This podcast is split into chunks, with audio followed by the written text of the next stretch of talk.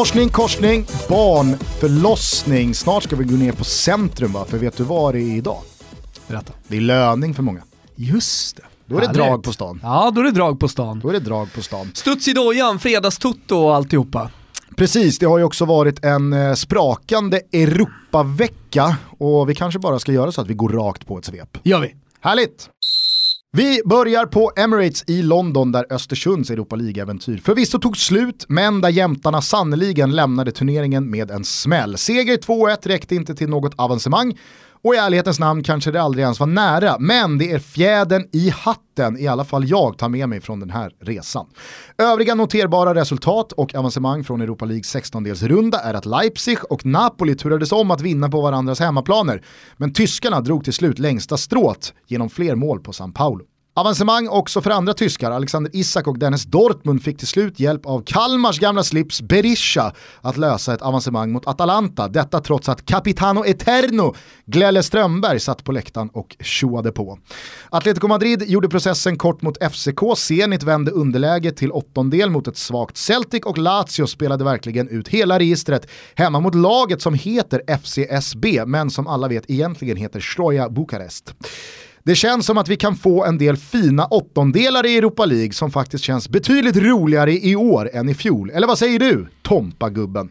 På tal om åttondelar, i Champions League stod Chelsea och kanske framförallt William för en strålande insats hemma mot Barcelona. Men som så många gånger förr blev det ändå Lionel Messi som fick sista ordet. 1-1 var i underkant för engelsmännen och en pressad Conte var i ärlighetens namn värd mer. Samtidigt som den holmgången spelades i tisdags pulveriserade Bayern München Besiktas hemma på Allianz Arena med 5-0. Den kroatiske, eventuellt hemmaporrfilmskapande mittbacken Domagoj Vida tog ett rött kort efter en kvart och då var givetvis hela dubbelmötet över. Turkarna får väl göra någon rolig social media-film att trösta sig med eller något. Under onsdagen var det David de Gea mot Sevilla och man får sannoliken säga att spanjacken gick segrande ur den striden. De Gea alltså. Grin Mourinho visade återigen upp ett dövöra av världsklass, satte Pogba på bänken och var knappt intresserad av att anfalla under 90 minuter. Det är ett jäkligt vibrerande korståg han är ute på, den gode José. 0-0 hur som helst, men visst känns det som att Sevilla absolut kan göra mål på Old Trafford och göra det här riktigt spännande. Eller vad säger du, Tompa-gubben?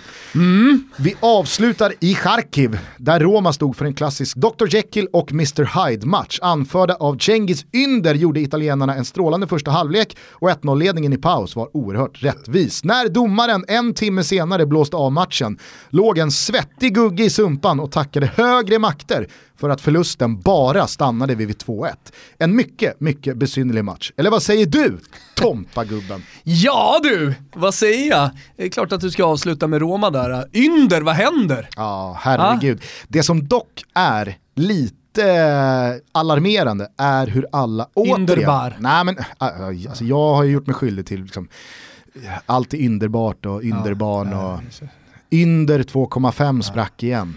Italienska tidningar har kul också. Ja, nej men eh, det är ju att väldigt många återigen drar så här stora växlar på en spelare som är het i en, liksom ett men tag. Det, ja, ja, exakt, Eh, men det är kul att dra stora växlar på unga spelare såklart. Hade det här varit en kille som var 28 bast så hade det snarare varit, ja men han har hittat toppformen på säsongen, men man vet också vad lägsta nivån är. Grejen med unga spelare är att du vet ju ingen, du har ingen aning om någon lägsta nivå eftersom han inte har spelat tidigare. Jo jag kan säga, jag har aning Jo. om lägstanivån för att Fast då, då var det ingen kontinuitet i matchandet. Nu är det kontinuitet i matchandet och han levererar, satan vad han levererar liksom Ynder. Absolut, men, samma typ av månad hade ju El Sharawi i november-december där. När han var liksom, allt han gjorde, allt han rörde vid blev Jo, till fast han är drömmål. ju inte ung längre. Han är ju fan 26 bast. Och du vet ju att El Sharawi kan ju komma, speciellt i så här målsumpartider, där, där liksom ingenting sitter. Tycker att du fokuserar för mycket på hans ålder här. Är det inte bara en formtopp, precis som alla spelare kan ha Ja, men en det jag menar är alltså att så här, det, det är svårare med en spelare som är 20 bast att se just ehm, eh, alltså dipparna och, och lägsta nivån. Och då är det lättare att bara fokusera på så här, wow vilken talang och det här kommer bara att flyga. Som när Sebastian Rajalaxo slog igenom i Djurgården och Mats Olsson slog på stora trumman och skulle ha med honom i EM-truppen. Ja. Ja, men det, det, finns ju några och jag menar det är mycket som kan komma emellan. Däremot går det ju inte att blunda för vilken jävla talang han är och samtidigt så kan jag inte heller att sätta fingret på Ynder. Så här, vad, vad är det han är? Är du med? Vad är det som är den stora spetsen i, hon, i, i hans spel? Nej, eh, Nej verkligen. En, eh, eh, svårt med, med den typen, alltså jättebra teknik, bra skott, uppenbarligen bra avslutare, snabb, eh, ja, han kan också utmana en mot en. Vänsterfot.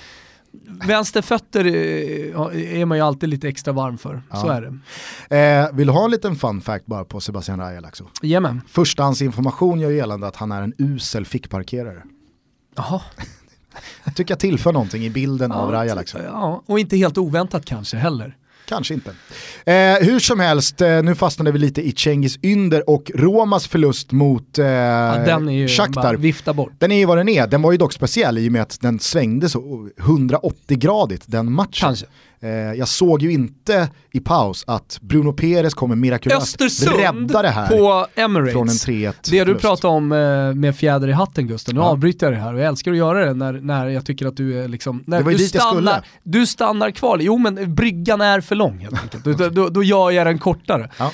Eh, i, alltså fjäder, de har fortfarande nu då vunnit mot Arsenal på Emirates. Ja. Så de kommer alltid kunna gå därifrån, ah, vi torskade hemma, men vi vann borta, vi hade lite oflyt med resultatet. Det är ju så Kindberg kommer skriva eh, historien i alla fall. Och det är, väl, det är väl det som är historien skulle jag kunna tänka mig också. Nej men alltså jag som är väldigt, väldigt pro Östersund, mm. jag vet Fast ju du håller ju bara på ett lag. Jag vet ju också att ett dubbelmöte är ett dubbelmöte. Fast du håller ju lite på Östersund också. Nej nej, men det intressanta är ju... Fast du är ju helt lyrisk. Du är ju passionerat lyrisk kring lät Östersund. Det som att jag, lät det som att jag var lyrisk i mitt svep här? Du, inte i svepet men på sociala ut, medier, på sociala medier, i liksom spelen som du sätter på Östersund, spelen som du vägrar på, på motståndare till Östersund. Sättet, alltså jag ser ju på hela dig när Östersund har gjort någonting bra, då lyser du upp. Det, det, det, du lyser upp mer när Östersund gör någonting bra än när Roma vinner. Nej. Jo, på senare tid så har du börjat göra det. Sen så är det också så här, jag lyser ju inte upp av hela min wattförmåga när man slår Trellehulla med 3-0 i Svenska Cupen. Eller när, man, eller när man löser en seger hemma på jämtkraft i allsvenskans avslutning. Om jag skulle gå tillbaka de senaste 365 dagarna och verkligen göra ett grävjobb på de dagarna du varit extra glad, då tror jag att vi skulle kunna se ett mönster, en röd tråd i Östersunds framgångar. Ja, det säger väl en del om hur många Europa League-knallar de ändå har stått för senaste halvåret. Att, ja, och ja, det visst. säger någonting eh, om dig också Gusten, med tanke på alltså, hur, hur, många dagar du har varit sur och grinig här på kontoret. Ja, jag har inga som helst problem i alla fall att jag både står för och är och har varit genuint glad för Europa, eller eh, Östersunds Europa League-framgångar. Ja, som Östersund-supporter. För att jag tycker verkligen att det är... Eh... Som den Östersund-supporten du är. Du vill fortsätta eller? Jag tror att 4% tycker liksom så här, ah, kör, kör Tompa! 96% tycker bara du är trött. Nej, det, det, det, är ju uppenbart, du skrev igår med stora versaler och alltihopa, du är ju överlycklig. De var ju bara, så jävla fina. Jag tycker bara att du fina. kan säga det. Första halvlek. Kan säga det, att du, ja. att, att du, att du supportar Östersund. Gör jag inte det eller? Nej, men, nej det gör du De inte. var ju så jävla fina i första halvlek mot Arsenal. Ja. Sen så, så, och det jag skulle komma till, ja var ju att jag är den första att säga att ja, men det, liksom så här, det enda intressanta i ett dubbelmöte det är ju vilka som går vidare. Ja. Arsenal var ju redan klara, de hade redan, de hade redan gått vidare från det här dubbelmötet. Sen att Östersund ger en chans, det ska ju de ha en jävla eloge för och de verkligen levererar utifrån förutsättningarna. Sen så kan väldigt många peka på, oh, men vad var det för Arsenal-elva? Ja, vad var det egentligen för Arsenal-elva? Det är inte många de hade kunnat krydda med. Så Aubameyang får inte spela. Lacazette kunde inte spela. Özil, ja mm. där har vi en ren och skär, honom eh, plomberar vi till ligacupfinalen. Eh, ja, sen så är det ju liksom, de spelar ju med Mkhitaryan, Iwobi, Wilshire, Ramsey spelade inte. Eh, Welbeck spelade, ja det är ju det bästa de hade tillgängligt. Welbeck spelade, ja, men... satan vilka dåliga matcher han gör Welbeck. Ja, där kan man verkligen snacka. Äh, visst, sen så, är det, sen så är det några i försvarsleden som eh, alltså ordinarie spelare som vilas. Men så dålig som eh, Östersunds hatgänget ville göra Arsenals elva. Eh, ja visst, den är ju långt ifrån en eh, liksom helt tillgänglig Arsenalstrupps bästa elva. Men tittar man till vad som fanns tillgängligt utifrån skador och avstängningar ja. så kan du ju inte förändra den där Arsenal-elvan enormt alltså. Nej, det kan du inte göra. Eh, och, och det, det, är klart att jag håller med, även om jag eh, skojar lite med det här om att det, det är en jätteprestation att vinna kul. på, på Emery. Ja, men det, det, är ju alla medvetna om. Eh, och sen så är vi alla också medvetna om att det finns två läger och det, det gör väl inget att jag representerar lite grann då det andra lägret. I och med att Sverige ändå är uppdelat, Toto Balotto är uppdelat, det är så. Östersund är en, helt enkelt en vattendelare. Så. Ja, absolut. Eh, det jag däremot tycker man kan ta med sig från det här eh, dubbelmötet i form av några slutsatser, det är ju att, på tal då om Daniel Kindberg, ja. eller vad rätt han kommer få med Ghoddos och eh, Ken Semas prislapp mådde nog inte heller speciellt dåligt av eh, det här andra mötet. Nej, nej. Ganska sval i Östersund får man säga. Tog ja. lång tid för honom att hitta in i den matchen. Mm. Men igår så visade han ju verkligen vad han besitter och jag tror dessutom få spelare har tagit så stora kliv mot en, kanske inte startelva, men mot speltid i VM för Gulo Gulo. Som Ken Sema har gjort eh, under 2018 med tanke då på januariturnén och matchen igår. Med tanke på vänsterfoten. precis. Ja. Nej men eh, det, det, är ju det, det är ju det jag tar med mig från Östersunds ja. håll liksom, i ja. positiv bemärkelse. Att liksom Saman Ghoddos, ja, nu handlar det ju bara om att ta pröjs. Någonting som jag tar med mig också, det är kommenteringen. Eller om man ska säga inramningen från matchen. Eh, det var ju så att Kim skulle ju flyga, Kim Källström skulle ju flyga till Sydkorea för returen. Men man bestämmer sig förmodligen helt rätt med att bara köra kommentatorer på plats i Sundbyberg ingen, ingen reser liksom från, eh, från Discovery. Eh, jag säger ingenting om det, alltså alla visste ju att den här matchen var död. Eh, sen satt man ju och, och nästan lite så här, inte för att det är Discovery, inte på något sätt, det är där vi släppt för länge sedan, men ändå lite så här skadeglatt till alla som inte har skickat folk. När 2-0 kom, va? tänk om vändningen kommer, då har de ingen på plats här. Hur fan Nej. löser de det? Jag kan inte skicka Kim, men det finns inget jetplan som går så snabbt. Det finns inga pengar i världen som kan lösa det. Stenis på länk. Stenis på länk, ja exakt. Eh, nej men, eh, och när man, när man tänkte då på kommenteringen som var extremt lättsam från Kristoffer Kviborg. Han säger ju bland annat i, i den andra halvleken, på tal om Welbeck, alltså jag har en egen, det har man nästan aldrig kommentatorer att göra. Jag har en egen personlig eh, alltså, alltså, åsikt vad det gäller Welbeck. Hur kan den spelaren ens finnas på den här nivån? Jag har aldrig sett talangen, alltså en toksågning. Ja. Jag såg, eh, nu såg jag ingen, eh, Anders Svensson, han, jag ska inte säga, han balanserade upp det. Och, och, och menade på att han var stor talang i Manchester United när han kom fram och, och lyfte upp lite positiva egenskaper och att skador har förstört karriären. Sådär. Jag, var, jag var på väg att säga, gjorde han? Ah, Eller noterade ens Anders Svensson att Kviborg sa det här? För att ma maken till liksom eh, vänsterhands expertkommentering som man fick höra från Anders Svensson igår. Det vet man fan vet att han kliver in där på hört, sumpan alltså. och bara så här, vad fan är det här? Det skulle, Sitter de här gubbarna? Det skulle vara London, det skulle vara Emirates, det skulle vara en bra kväll ute ja. efter matchen. Träffa ja. lite gamla polare. Istället så fick han mejlet, du, vi steker eh, på platskommenteringen. Ta det till Sumpan istället. Mm. De landar också under kommenteringen in i året 1996. Mm. Det är året som Arsene Wenger tillträdde som coach för Arsenal och han har nu suttit eh, sen dess. Och det är ju ett tag. Och då gjorde Kristoffer Kviborg referensen då för att man ska få lite perspektiv till årtalet 96. Han borrar också upp det på det sättet. Ja. För att ni ska få lite perspektiv. Då sitter man ju och väntar, vad är det för referens han ska ta här nu? Ett ja, klassiskt grepp. Absolut, ett, ett klassiskt grepp. Det mest klassiska brukar ju vara vilken låt låg på listorna. Ja, jag trodde att han skulle gå till Då föddes han typ. Teke, Teke var, ja. var han ens född eller? Uh, nej nej för fan. Nej han är väl 98 eller någonting ja. sånt. Ja. Men han, han landade i alla fall i att Nintendo släppte uh, Nintendo 64.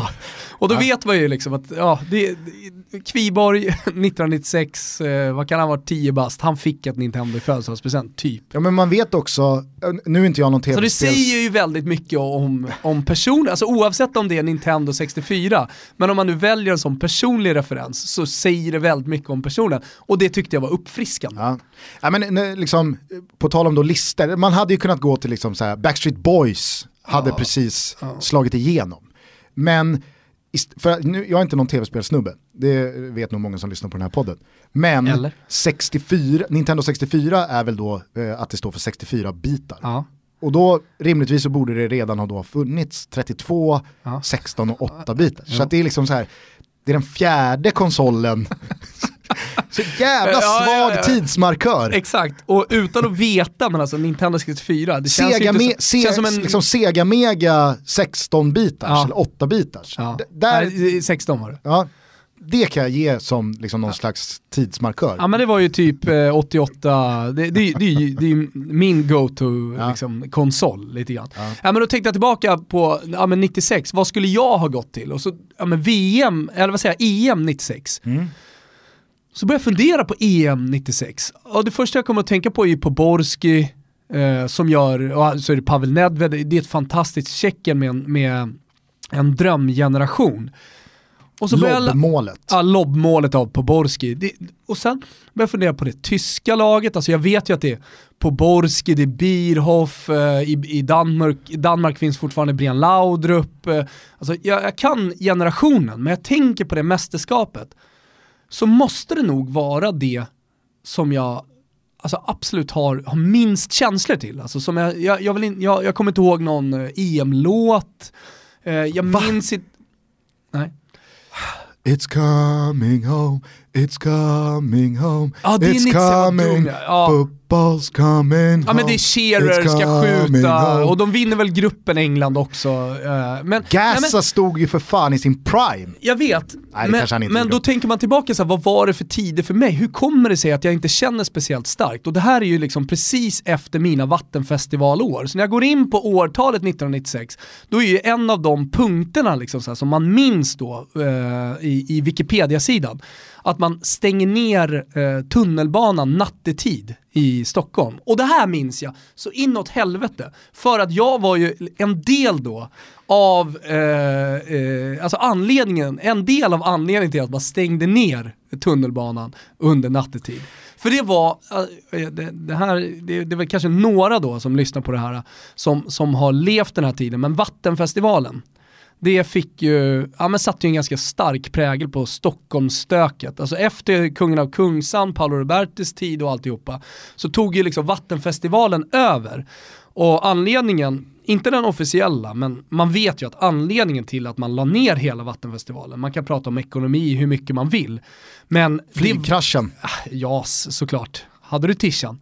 Eh, JAS kan flyga. Nej, pappa hade den. Ja. Har han kvar den? Ja, han brukar måla Kan du i inte den. fråga? Kan du inte fråga? När det ska, när det ska pulas. Jag ska ha en bild. när det ska pulas på huset, då är det den eller eh, en, en gammal eh, Uno Kryss Due tisha som åker på. Jag minns hur som helst, till exempel hur, hur man tog över tunnelbanetåg. Alltså, du tog över, slängde ut chauffören. Jaha. Gjordes ofta. Så här, "Jaha, jaha, nu är det någon jävel som har tagit över tåget igen. Och så uh, uh, kördes tills liksom slutet hade kommit ner. och Har du rattat alltihopa. en, eh, en jag, har, jag har aldrig rattat, men jag känner folk som, som har rattat. Och trainsurfingen tog ju liksom, den, den kom ju till nya nivåer. Alltså du, du åkte, det var ju på den tiden det var gamla vagnar så du kunde fortfarande stå emellan och, och ta en cigg. Du kunde, framförallt då, de mest våghalsiga satt ju längst fram Mm. på, på tåget. Helt Eh, så- plötsligt så, framstår ju Kviborgs eh, Nintendo 64-referens som liksom mainstream. Det hade ju varit starkt ifall man i, under matchen igår hade hört Kviborg. Ja, så Arsene Wenger har ju suttit som manager för Arsenal sedan 1996 och eh, 1996, ja, bara för att nämna då till exempel hur länge sedan det var, det var ju alltså Thomas Wilbacher och gänget tog över tunnelbanevagnar under Vattenfestivalen i Stockholm. De det hade hade varit en under år som fick konsekvensen att de stängde Ja, det hade varit en, en, en, en smal referens. De skulle gjort den här tv-serien Tunnelbanan på den tiden, det hade Ja. varit grejer det. Ehm, nej men, eh, ja, men ta, gör då, ge lite upprättelse för eh, eh, EM 1996. Vad gör, gör det med dig? För jag tänker att det är ett av dina första mästerskap. Du Absolut. som ändå var sju bast och, och minns, eh, jag kan tänka mig att du ändå satt där med Isak två år äldre och farsan och, och, och, och poppade popcorn och, och kollade på de här matcherna. Ja. Fick du någon idol, alltså Patrik Klöivert, allt det här? Nej, jag- det var jag- ändå stora profiler. Jag fick en idol och det sjuka var att jag dessutom började känna lite så här attraktion till honom. Jag tyckte på riktigt att han var världens snyggaste man. Jaha. det är så jävla sjukt där. Men det var ju Tysklands keeper, Andreas Köpke. Kände man ju så här, vilken Vänta. jävla sexbomb det här är. Vänta här nu. Spelade då, då i Eintracht Frankfurt tror Ja, jag. många känner nog igen honom från den tyska landslagsbänken på senare år. Han har ju suttit länge som någon slags kombinerad målvaktstränare slash Tror inte så assisterande. många ändå gör det. Jo, jo, ser du en bild på Köpke så är det många som kan placera honom bredvid Jogi Löw. Han har varit med i Die Mannschaft Men alltså, länge här hur nu. kan, du, hur kan du dras till detta Ja, jag vet, jag vet, det är helt oförklarligt idag. Alltså, ju- jag vet. han har ju också den här klassiska tyska frillan där, där det liksom bara är lite för långt för att Ja, vara ja. kort. Ja, många och där som- allt är lite bakåt, det är ingen backslick Nej, riktigt. Men allting Effenberg är hade ju samma. bakåt. Effenberg hade ju samma frilla. Lite samma Bremer hade ja. samma frilla. Ja. Det är, Matteus hade samma frilla. Det är, det är, Han har ju också den frillan fortfarande ser jag nu. Ja, ja visst. Nej men uh, Köpke, det, det blev någonting med Köpke under det där Det är mästerskapet. inte riktigt samma sting i förhållandet med frugan ser jag på bilderna heller som Effenberg har med sin. Nej, det, får man, Där är det får man väl utgå ifrån. Eller, alltså man måste utgå ifrån att tyskarna går på swingersklubb Ja. så som vi äter söndagsstek, men där ser det inte ut att vara något sånt. Innan vi blir för interna här Ja. eh, med våra referenser till eh, tyska gifta par så måste man ju säga att den stora grejen med EM 96 det är ju att hemmanationen då England Football's Coming Home åker ur på straffar och någonstans cementerar bilden som dels fanns innan men framförallt då slogs fast efter att England kan inte vinna en straffsparksläggning. Nej. Eh, Gareth Southgate var väl den stora syndabocken Så var det. Så var det. tror även David Batty eh, missade en straff. Eh, så att eh, det, det är ju eh, det jag minns. Sen så måste jag säga att EM 96 är nog det mästerskapet som jag, ja men fan i mig allra mest med värme minns rent arenamässigt. England är ju ett otroligt bra land för ett mästerskap ur arenasynpunkt. Många tajta, bra, Ja, klassiska. 30-35 000 eh, kapacitetsarenor. Eh, Till skillnad då från liksom så som mästerskapen har sett ut på sistone. Eh, på sistone menar jag då 20 år sedan. Nej, men håll med mig, det är, det är skillnad på arenor och arenor ur ett mästerskaps eh, liksom, håll. Mm. Ja, nej, men helt klart och nu kommer ju stund, nästa EM kommer ju att gå som alla känner till på olika platser runt om hela Europa. Three lines on the shirt, Dunka på Kimpa! remain, still remain, 30 years of her. Så jävla bra låt alltså. Hur fan att du, liksom, jag minns inte ens en låt. Nej, men, men den Säg där väl gjorde allt om ditt ingenting. anglosaxiska hat. Ja men den, den där gjorde ingenting med mig. Alltså då satt jag, 1996 satt jag ju och kollade på eh, Copa America eh, hos eh, mina chilenska polare och grillade. Ja. Ja, sket i, i det här. Eh, syn på att du har en enda polare idag med eh, chilenskt eller ens sydamerikanskt ursprung. Pratade med en senast igår. Jo, men alltså, du vet så här, hantverkare eller någon bakom nej, nej. kassan Nej, nej. eller eh, Senast igår. någon gemensam, eh, liksom, vi har, vi har döttrar i samma lag eller Nej, nej, nej. klass. Senast det, igår. det gills inte. Nej, nej. Skitsamma, eh, kort bara tillbaks till den här eh, matchen mellan Arsenal och Östersund. För att jag noterade att väldigt många var så här, nu är man ju lite extra bitter över att man bjöd på tre mål eller att man missade straffen på jämtkraft och sådär. Det där lägger jag ingen vikt alls vid, men det fick mig att minnas vad jag på riktigt fortfarande håller liksom som det främsta jag har lärt mig av en aktiv inne i elden. Vår älskade utrikeskorrespondent Daniel Larsson. Vi har utbytt många sanningar mellan varandra, men jag tror att den största skillnaden på de som faktiskt är aktiva och är inne i eh, den här ja, men, cirkusen på riktigt och spelar mot de här lagen och spelar mot de här matcherna, det är ju att de, alltså det som skiljer de bästa lagen mot övriga är att du kan klara dig mot lite sämre motstånd när du bjuder på saker. Men de bästa lagen straffar dig. Så fort du bjuder på någonting så straffar du dig. Alltså, jag kommer ihåg när vi då var nere och eh, träffade Danne, såg den här matchen när Valladolid spelade borta mot Atletico Madrid. Mm. Valladolid inleder med två bjudningar. Och det är inte bjudningar så som Östersund bjöd, alltså att Keita tvålar ut någon boll en och en halv meter från mållinjen eller att Mokibi slår hål i luften tre meter från mållinjen. Utan det här är bjudningar, alltså som att de tappar boll Ja, ja, i omställningslägen Ja. på mittplan. Men det räcker. friläge. Pang, pang, så gör, ett mål, så gör ett lag av Atletico Madrids kaliber, då straffar de och sen har de 2-0 efter fem minuter och sen så låter de bara Valladolid springa i 85 minuter. Och Danne sa det att man, jag tror inte att man förstår, om man inte har spelat de här matcherna själva, hur skickliga de här yttersta världslagen är på att vi leder med två mål, vi behöver inte förta oss, Nej. vi kan bara spela av den här matchen. För att de bjöd, vi behöver inte slita för det. Nej. De bjöd oss på två mål, pang pang, det är över. Alltså, de precis det man kan lika gärna blåsa av matchen efter fem minuter Ja, för det går ja, inte att hämta. Ja, och så snabbt det går också att gå från tvåans växel till femmans växel Ja, för de här lagen. Om de behöver. Om de behöver. Men just det där, Eller fyrans. Eller just det där att, i, i, jag menar inte minst då i svensk fotboll, där kan man ju bjuda på saker ganska många gånger utan att bli straffad. Mm. För att lagen man möter är inte tillräckligt skickliga på att utnyttja misstag från motståndarna. Men jag pratade med Martin Åslund i eh, förrgår om det här också efter Chelsea-Barcelona-matchen.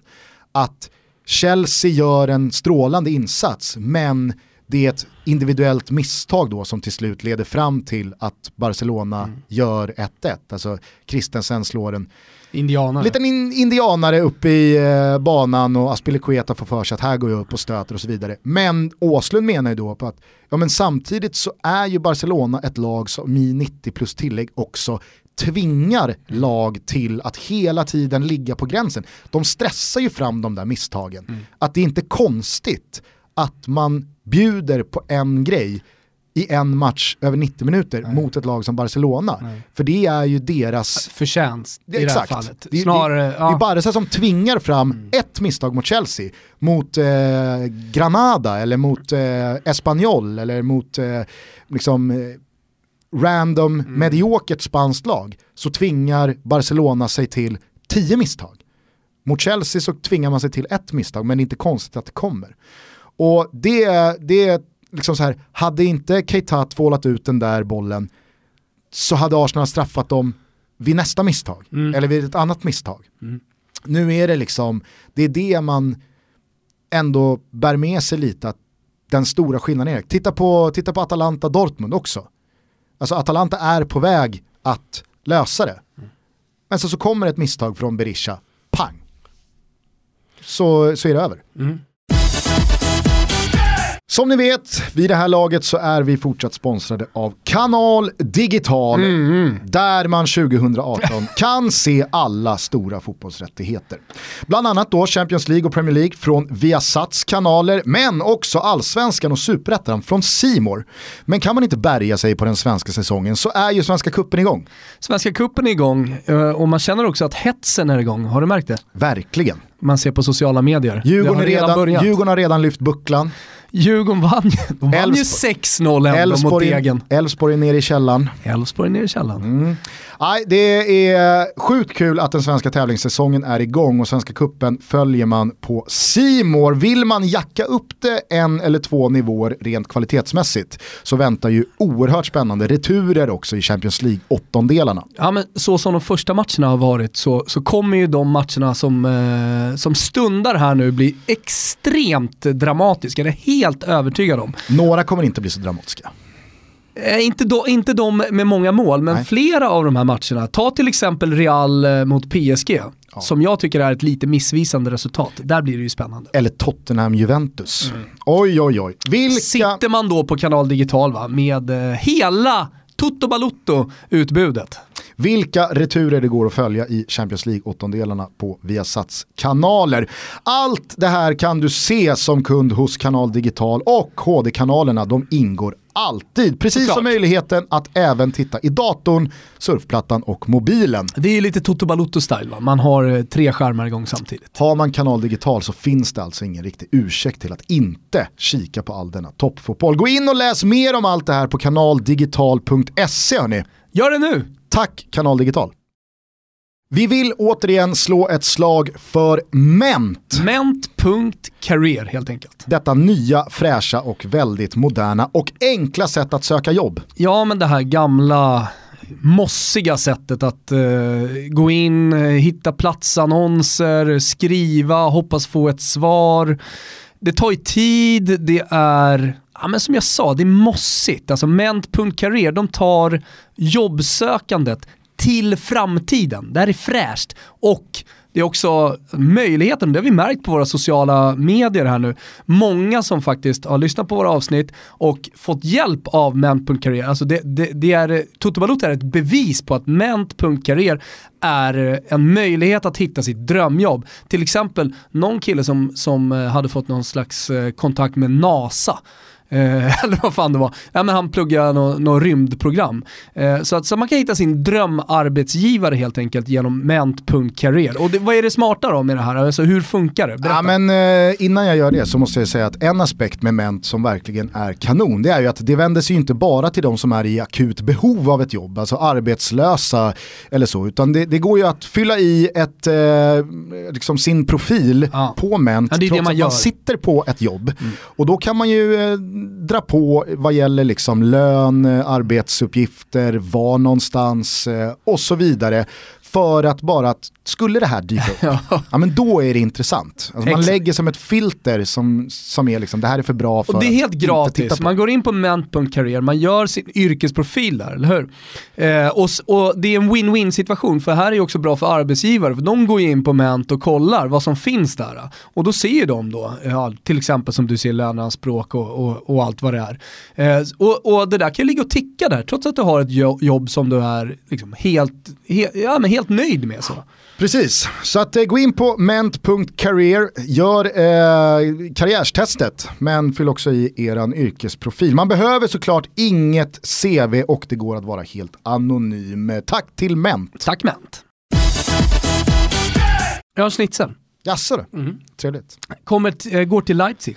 Okej. Okay. Mm. Som nu kan, för övrigt kan få möta systerklubben Salzburg, som var Red Bulls första lag. Ja. Men som sedermera blev lite som Watford och Udinese när Udinese tog över. Hyfsat Eller vad säger jag, Watford tog över och blev liksom den viktiga klubben, för där gjordes det mer pengar. Det är såklart det hände med, med Leipzig. Hyfsat lav på Leipzig-avancemang då.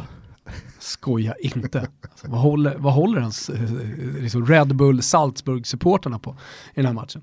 Finns det ens riktiga supporter? Ja, det är många frågor. Men i alla fall till Leipzig, vi kommer precis från Tyskland. Mm.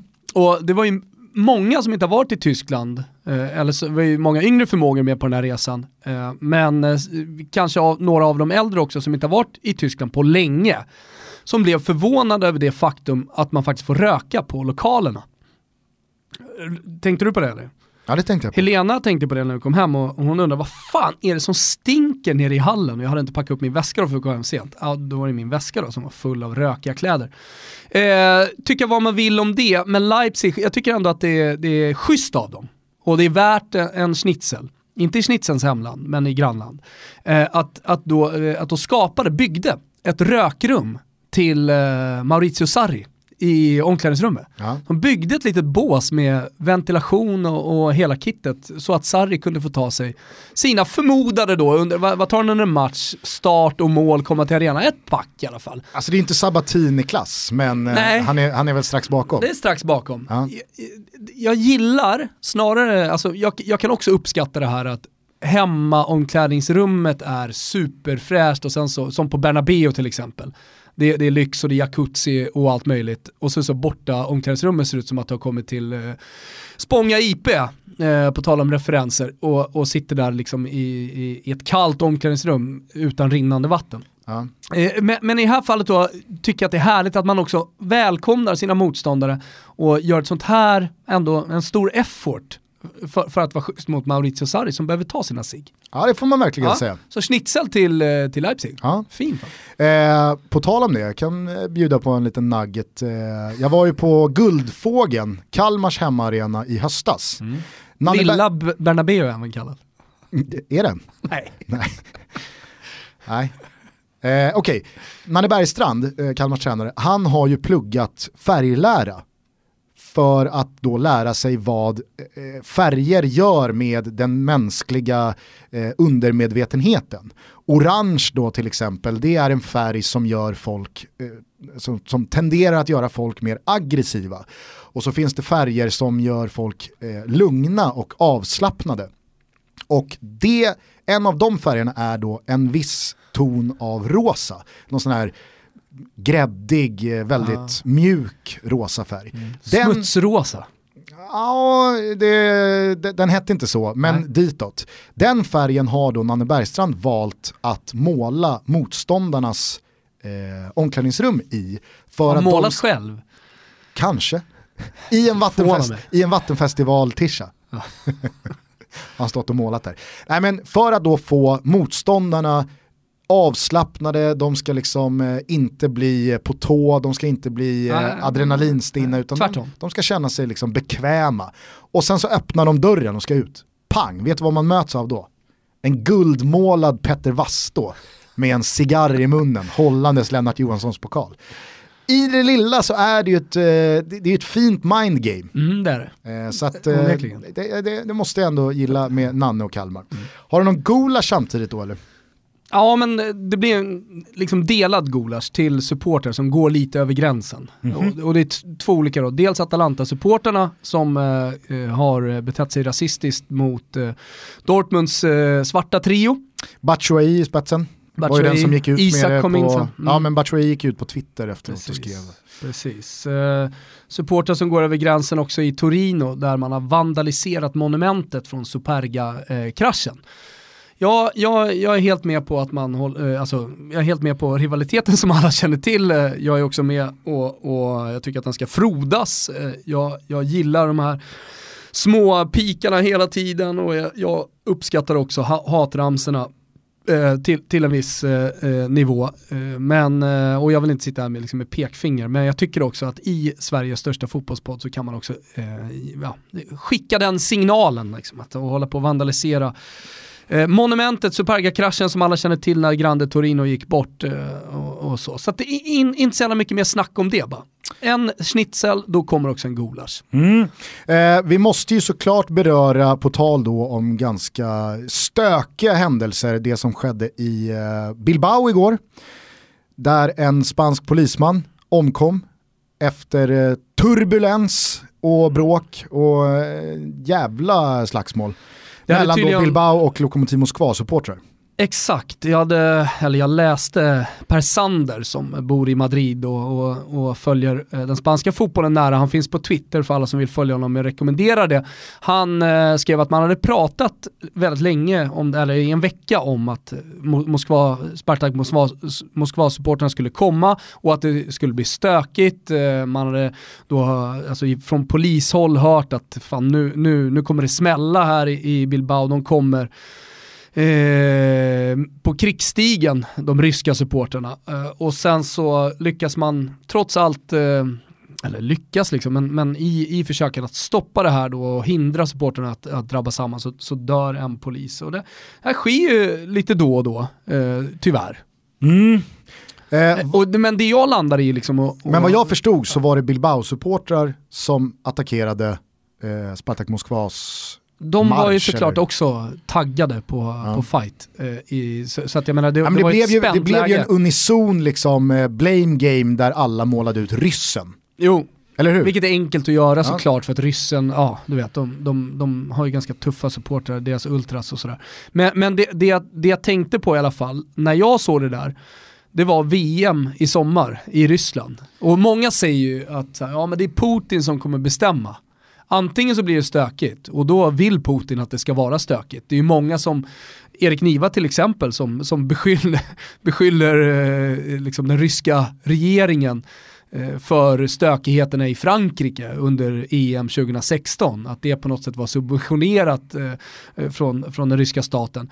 Eh, men men man verkar inte ha landat i något, man vet inte riktigt hur, hur det kommer bli. Men det känns som att antingen eller. Mm. Antingen så blir det tre, fyra dödsfall eller så blir det hur lugnt som helst. Men blir det hur lugnt som helst så kommer ju inte det vara för att äh, det är så jävla nice stämning. Utan då kommer det ju vara för att folk är rädda. Men, och för att det är så kontrollerat med största sannolikhet. Alltså det, de stänger igen Jo, städerna. det, fin- det finns ju hur lugnt som helst och så finns det hur lugnt som helst. Ja men det, det, fanzone ligger ute i Sibirien. Så här. Sibiriska bara, här kan ni vara hur mycket som helst. Sen så kommer ni åka pansarbussar in till arenan. Fångtransport. Ja, och folk kommer inte in i landet och ja men du vet. De, de, de gör ju som de vill ryssarna såklart. Kallas knall, knalltransport då? Ja. Det är fångtransport. Mm. Ja. Februari är inte slut än. Det återstår en fullmatad fotbollshelg och således också två stycken officiella matcher i Kickerspotten via våra Toto-tripplar som vi gör tillsammans med våra polare på Betsson. Japp. Eh, våra specialare i Champions League, de mår. De mår. Mycket bra. Mycket bra. Eh, men det här är ju då ordinarie ligaspel och då kan jag börja den här helgen. Jag tror att eh, ett utvilat Liverpool kommer att göra tre mål eller fler hemma mot West Ham. Ser ju superfina ut Liverpool. Va? Sen så tror jag också att det blir eh, ganska målglatt eh, på Sellers Park mellan Crystal Palace och Spurs. Där spelar jag över 2,5 i matchen. Över 2,5 spelar jag också på Tele2 Arena när Bayern Bayern, Bayern. Bayern, Bayern, Bayern, Bayern möter GGG.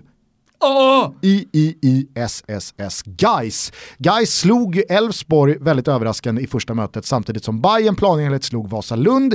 Det här gör ju att Bayern har ju lite matchboll här redan hemma mot Guys trots att Elfsborg väntar i sista matchen. Kan Bayern vinna med ett par bollar den här gången eh, så kan man ju verkligen eh, ja, men, ta det lite lugnt mot Elfsborg. Precis, precis. Så att jag tror inte att Bayern stannar av Nej. vid eh, eventuellt Nej, och 1-0 då. speciellt signalen som Gais har skickat också. Ja, och det Gais, ja. Vet ju också att ska vi mirakulöst knipa ett avancemang här, trots eh, två allsvenska lag i gruppen, så måste vi vinna den här matchen. Mm. Eh, så att, eh, ja, jag tror på målglatt eh, då mellan Bayern och Trevligt Gais. i så fall. Mm. Min Toto-trippel då börjar i Serie B. Du vet att Zdenik Seman fortfarande verkar inom fotbollen. På tal om att gå igenom ett mag-sig under en match. Ja, på ta, verkligen. Men eh, Pescara har inte, hans lag alltså, har ju inte byggt ett rökbås till honom, utan där är det fritt fram att röka hur fan han vill, eh, den gode Seman. De möter Cremonese. Mm. Eh, och det, det här är en Kommer du match... ihåg eh, vem som har spelat där? Limpan. Ja. Anders Limpar.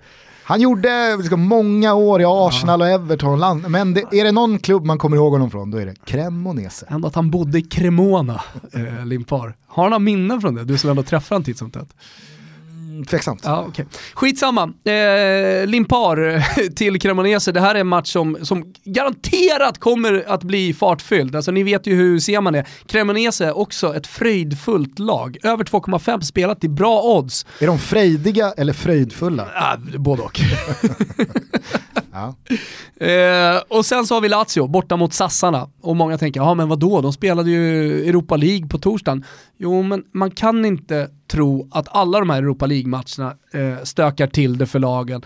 Eh, för jag menar, man vann 5-0, väldigt komfortabelt, eh, man hade Milenkovic, Milinkovic Savic på bänken. Okej, man gjorde ingen stor rotation för man var tvungen att vinna den här matchen, men den var ju över tidigt va. Så att eh, eh, Lazio, att vinna borta mot Sassarna, det är ett Lazio i tokform med Immobile i stort självförtroende, men inte bara han. Eh, slutligen då, två lag som tror på tre poäng på Stadio. Bentegodi i Verona. Eh, Hellas Verona som måste vinna för att kunna ta upp kampen där och, och, behålla, och, och, och stanna kvar. Man vet ju om då, alla de här lagen som ligger i botten, de ska vinna hemma, sen vad som händer på bortaplan, allting är bonus. Den här matchen ska man bara vinna. Toro åker med eh, självförtroende, en fin offensiv, Belotti igång igen, man har Niang, man har Jajic, man har Jago Falke, mycket offensiv kraft. Eh, här ser jag också över 2,5 mål, så det spelar vi i trippen. Toto-trippen. Ni hittar dem som vanligt under godbitar och boostade odds på Betsson.com. Insatsen är 148 Barubas per trippel. Skicka in en screenshot i hashtaggen Tototrippen så är ni med och tävlar om de officiella matchtröjorna. Tack till Betsson! Du, eh, får jag bara kort här eh, efter eh, att vi har rekat ut våra tripplar fråga om Hellas och Toro också är polare? Nej. Inte det? Nej, nej. Fio är någon slags brygga emellan Nej, eller? Men alltså, de, de där vänskapsbanden, inte så, alltså, jag menar Hellas och Sampdoria, de är kompisar.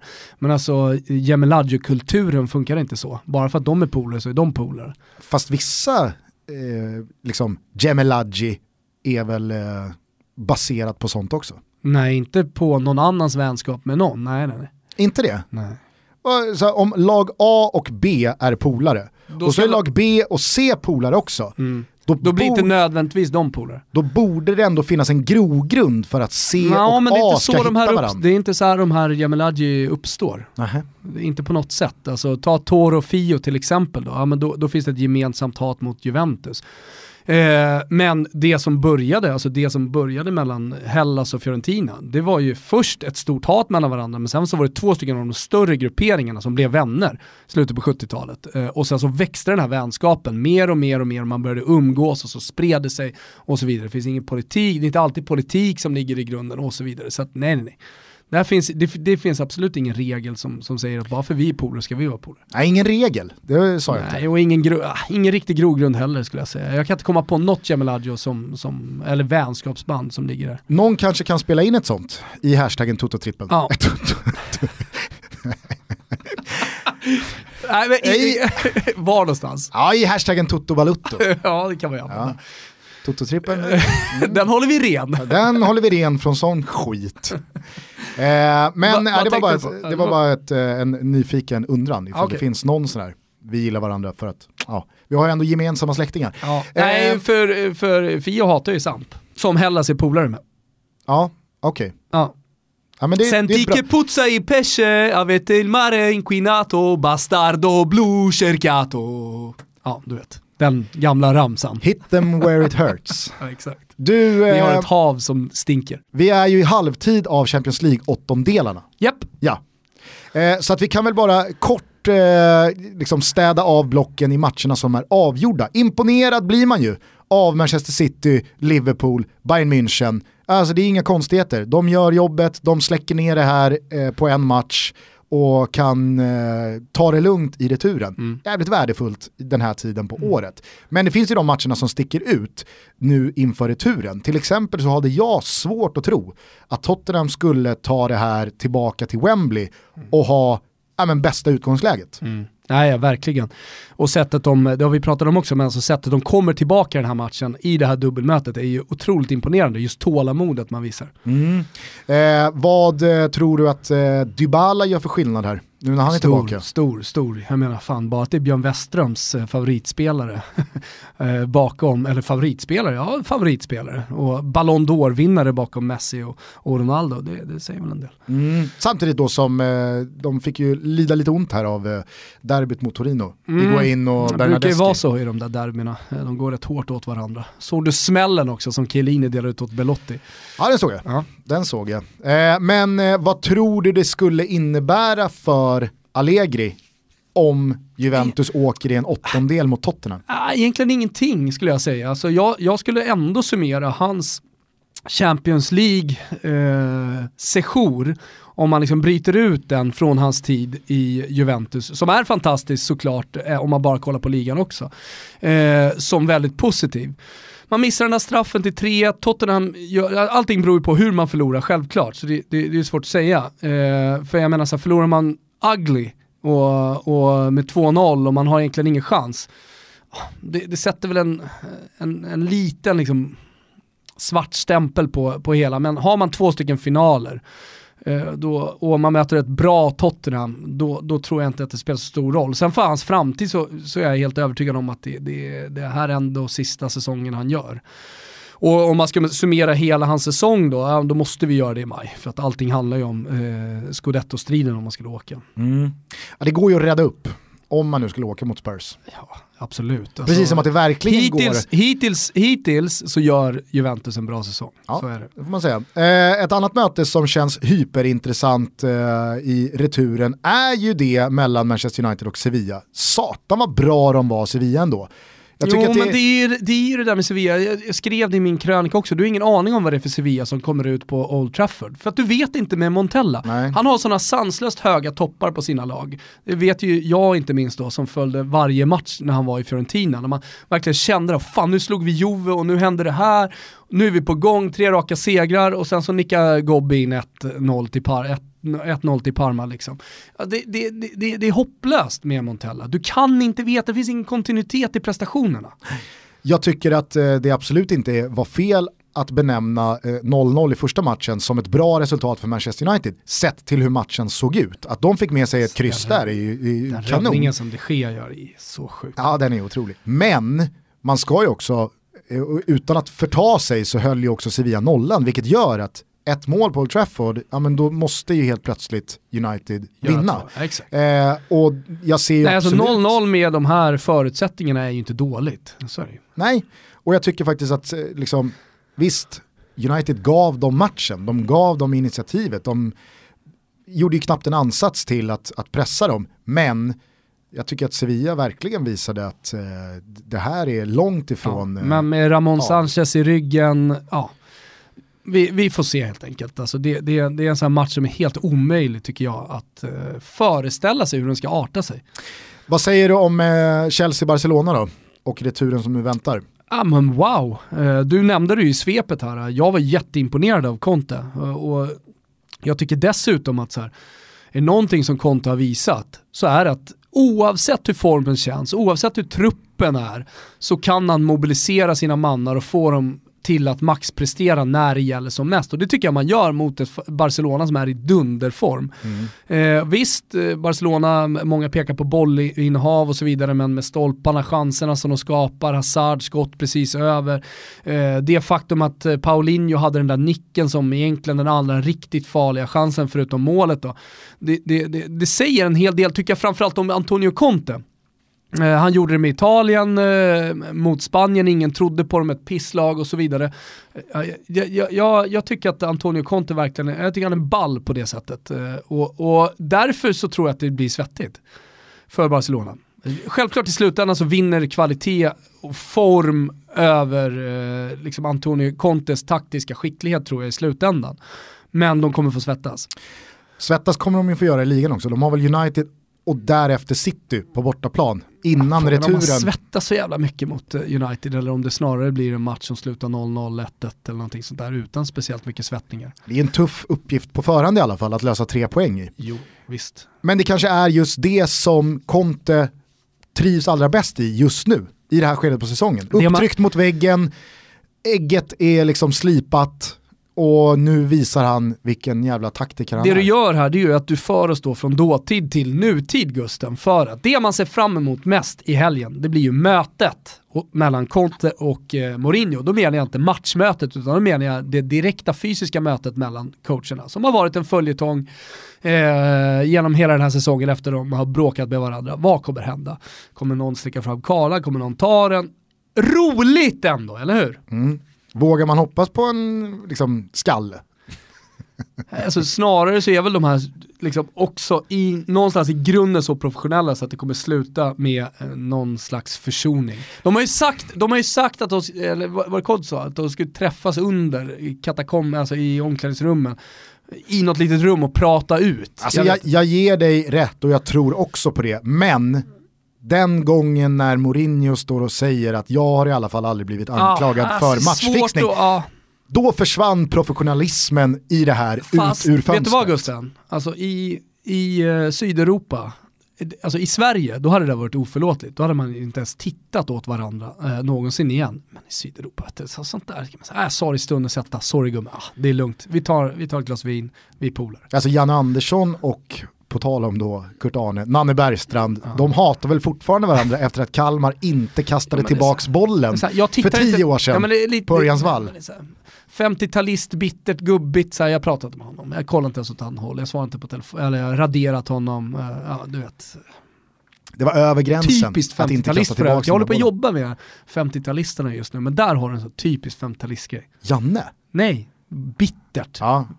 Jag skulle säga att Janne inte är den typiska 50-talisten. Nej det kanske han Nej nej, det var inte åt Janne men just Progressiv, det jag pratar om. Lyhörd. Alltså, ja, nej men exakt. Nej men det här med att uh, bara liksom klippa banden med en person. Ja. Ja, ja, ja, ja, jag kan, Sug jag på kan, den. jag kan ge Sug något där. Eh, Det blir i alla fall jävligt spännande med eh, Conte versus Mourinho i helgen då. Annars så måste jag bara säga att eh, en stor rubrik från den här Champions League-veckan ur svensk synpunkt är ju att vi har satt mirakulöst lyckades hålla Fredrik Ljungbergs eh, intåg i studion under radarn. Mm. Ska man veta hur jävla svårt det är i den här branschen att inte det läcks. Jag har hört eh, från en källa att det var fyra personer bara i MTG-huset som kände till det. Ja. Undrar hur de smugglade in honom då, Fredrik Ljungberg. För sånt här läcks ju alltid och det vill ju läckas från tidningarna också för att eh, på något sätt ja, men, locka folk och liksom skapa trafik till en sändning. Eh, och, och läcka då till, till de stora kvällstidningarna att så, ja, men nu, nu, nu är den här personen klar. Mm. Eh, men i det här fallet så lyckas man då hålla Ljungan helt under radarn. Ja, och det i sig var imponerande. Sen går det väl att diskutera hans insats över två eh, kvällar. Men herregud, alltså att sätta sig i en expertstol bara för att man har en strålande karriär på CVt gör ju inte att man Ja, direkt tycker- flyger på femmans växel Nej. och är en king eh, i, i, i den rollen. Nej men jag, ty jag tycker också så här, jag, inget, absolut inget negativt om, om Ljungbergs eh, prestationer. Har jag lust efter två gånger att sitta här och, och, och dra ur mig. Fast så, Men- så löd ju inte smset du skickade Nej sent men, jag känner, nej, men jag känner inte för det helt enkelt. För att han har varit där två gånger, jag tycker absolut att han ska få chans. Men det säger också någonting om hur svårt det är att göra TV. Alltså det spelar ingen roll vad, vad du liksom har gjort utanför och vi- vilken stor liksom, idrottsman du är. Det är ju bara att kolla på OS. Du kan ju inte göra en enda intervju. De, hy- de intervjuerna som hyllas, jag kan inte ens se på dem. Nej. Det är så, här, skämskudde på väldigt många. Eh, men, men, men istället så hyllas det, åh gud vilken härlig person och så vidare. Niklas Edin, där är en bra gubbe att göra intervju med. Curling, jag. eh, Curlinggubben som är i final.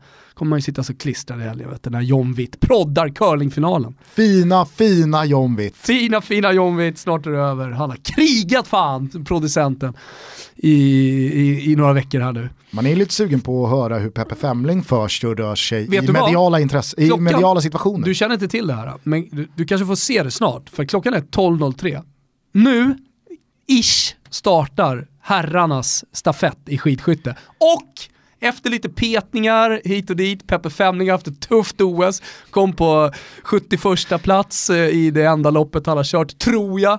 Eh, han får alltså köra första sträckan. Så, alltså, och du vet ju hur det är med första sträckor. Jörgen Brink går in i väggen, det är kört för övriga. Eh, det hände i mixstafetten när Mona Brorsson totalt gick, gick åt helvete. Skitsamma! Peppe Femling har ju nu möjligheten då att bomma sig rätt åt helvete och föra Sverige till eh, en tionde plats eh, oavsett vad övriga gör. Men, men eh, jag, jag tycker ändå att du och jag ska gå ut här nu och sätta på Peppe Femling och ändå heja på honom. Man vet ju också att Peppe har en riktigt bra kupong på topp 5. Ja, det, där är Sverige inte med. Så är det ju.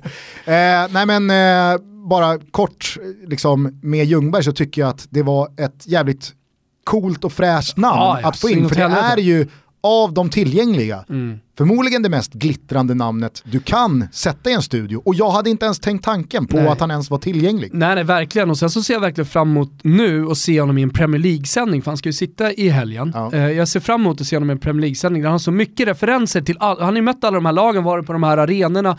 Det ska bli ballt. Mm. Jag tror också Jag gillar, att... jag gillar, jag ska bara säga det, jag gillar ju, eh, alltså just det här med, med studien, när man har en spelare, man ska utnyttja den rätt.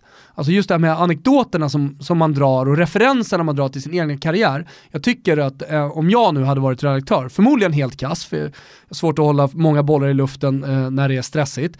Men, men ändå, då, då hade jag varit tydlig med eh, i körschemat att alltså, Ljungberg ska inte analysera så jävla mycket här nu utan det, det, det, ska göras, det ska dras referenser och det ska berättas anekdoter från hans tid. Du hade ju dessutom haft svårt att hålla dig från knappen rakt in i Wenströms öra och säga glöm inte heller att det är Hellas Torino i helgen. Nej, det hade. Fin match. Exakt. Bente Skit i. Scrubs. eh, Eh, nej men jag tror också att när det är, jag känner inte Fredrik Ljungberg överhuvudtaget, aldrig träffat, men jag är helt övertygad om att en sån tävlingsmänniska, en sån vinnarskalle, är också en sån tv-expert som sätter sig ner efter två Champions League-kvällar mm. och frågar, säg vad som var bra, säg Absolut. vad som var dåligt. Hela hans karriär bygger på feedback, direkt feedback hela tiden och raka rör. Precis, och jag tror att liksom, han vill ju höra, mm. vad var bra, vad var dåligt, vad måste jag tänka på, mm. vad ska vi trycka på ännu mer? Men jag kan väl säga en grej då, säg inte fantastiskt så mycket. Eh, till Ljungan alltså? Till Ljungan? Ah. tror du sa till mig? Sen vet jag, fullt medvetet, så alla vi som sitter, håller på med media, oavsett om det är radio, tv eller skriver, har ju massa go-to-ord och, och jag menar, det är någonting som du och jag ni kanske inte tror det, men ändå jobbar med. Det är ju någonting som alla vi jobbar med, man försöker jobba bort de orden som man kanske överanvänder. Du, du har ju ett gäng också Gustav. Så är det. Eh, jag tror dessutom, eh, det var någon som skrev till mig för några veckor sedan att eh, det, det, är löjligt hur mycket ni försöker låta som Filip och Fredrik.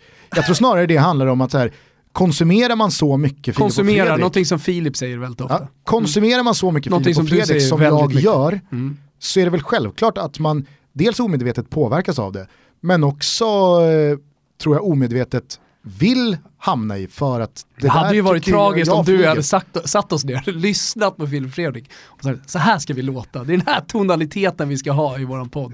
Då kan jag säga så här, då hade vi inte suttit här nu. Så är det väl säkert. Ja. Hörni, eh, ha en fortsatt eh, trevlig fredag om ni lyssnar på det här eh, direkt när superproducent Kim Wirsén är färdig med det. Och sen, hörni, nu när lönen har trillat in på kontot, alla ni som bommade tischerna och hoodiesarna borta hos Grand Frank. Olof har tagit in ett fyllt gäng till. Han har fyllt upp lagret mm. så att eh, via grandfrank.com snedstreck så finns det nu tischer och hoodies att eh, lägga vantarna på. Sen tycker jag också att alla ska gå in och så skriver ni att C Svanemar på sociala medier och så skriver ni bara grattis farsan. Det är så att vår gode vän har blivit pappa. Det hade varit kul om det blev en slags massgratulationer. Mm.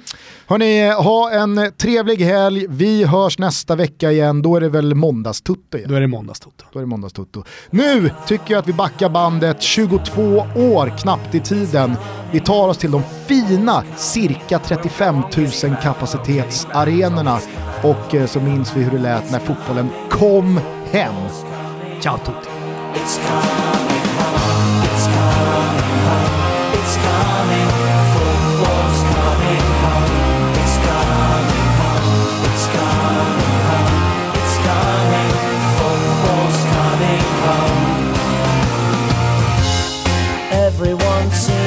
Know the score They've seen it all before. They just know they're so sure that England's gonna throw it away, gonna blow it away. But I know they can play, cause I remember three lines on a shirt.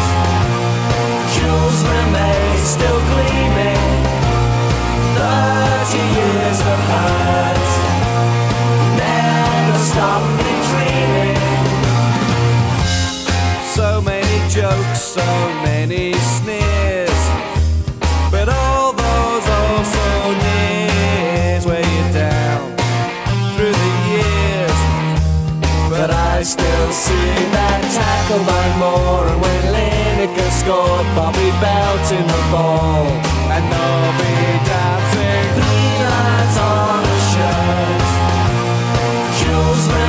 still gleaming.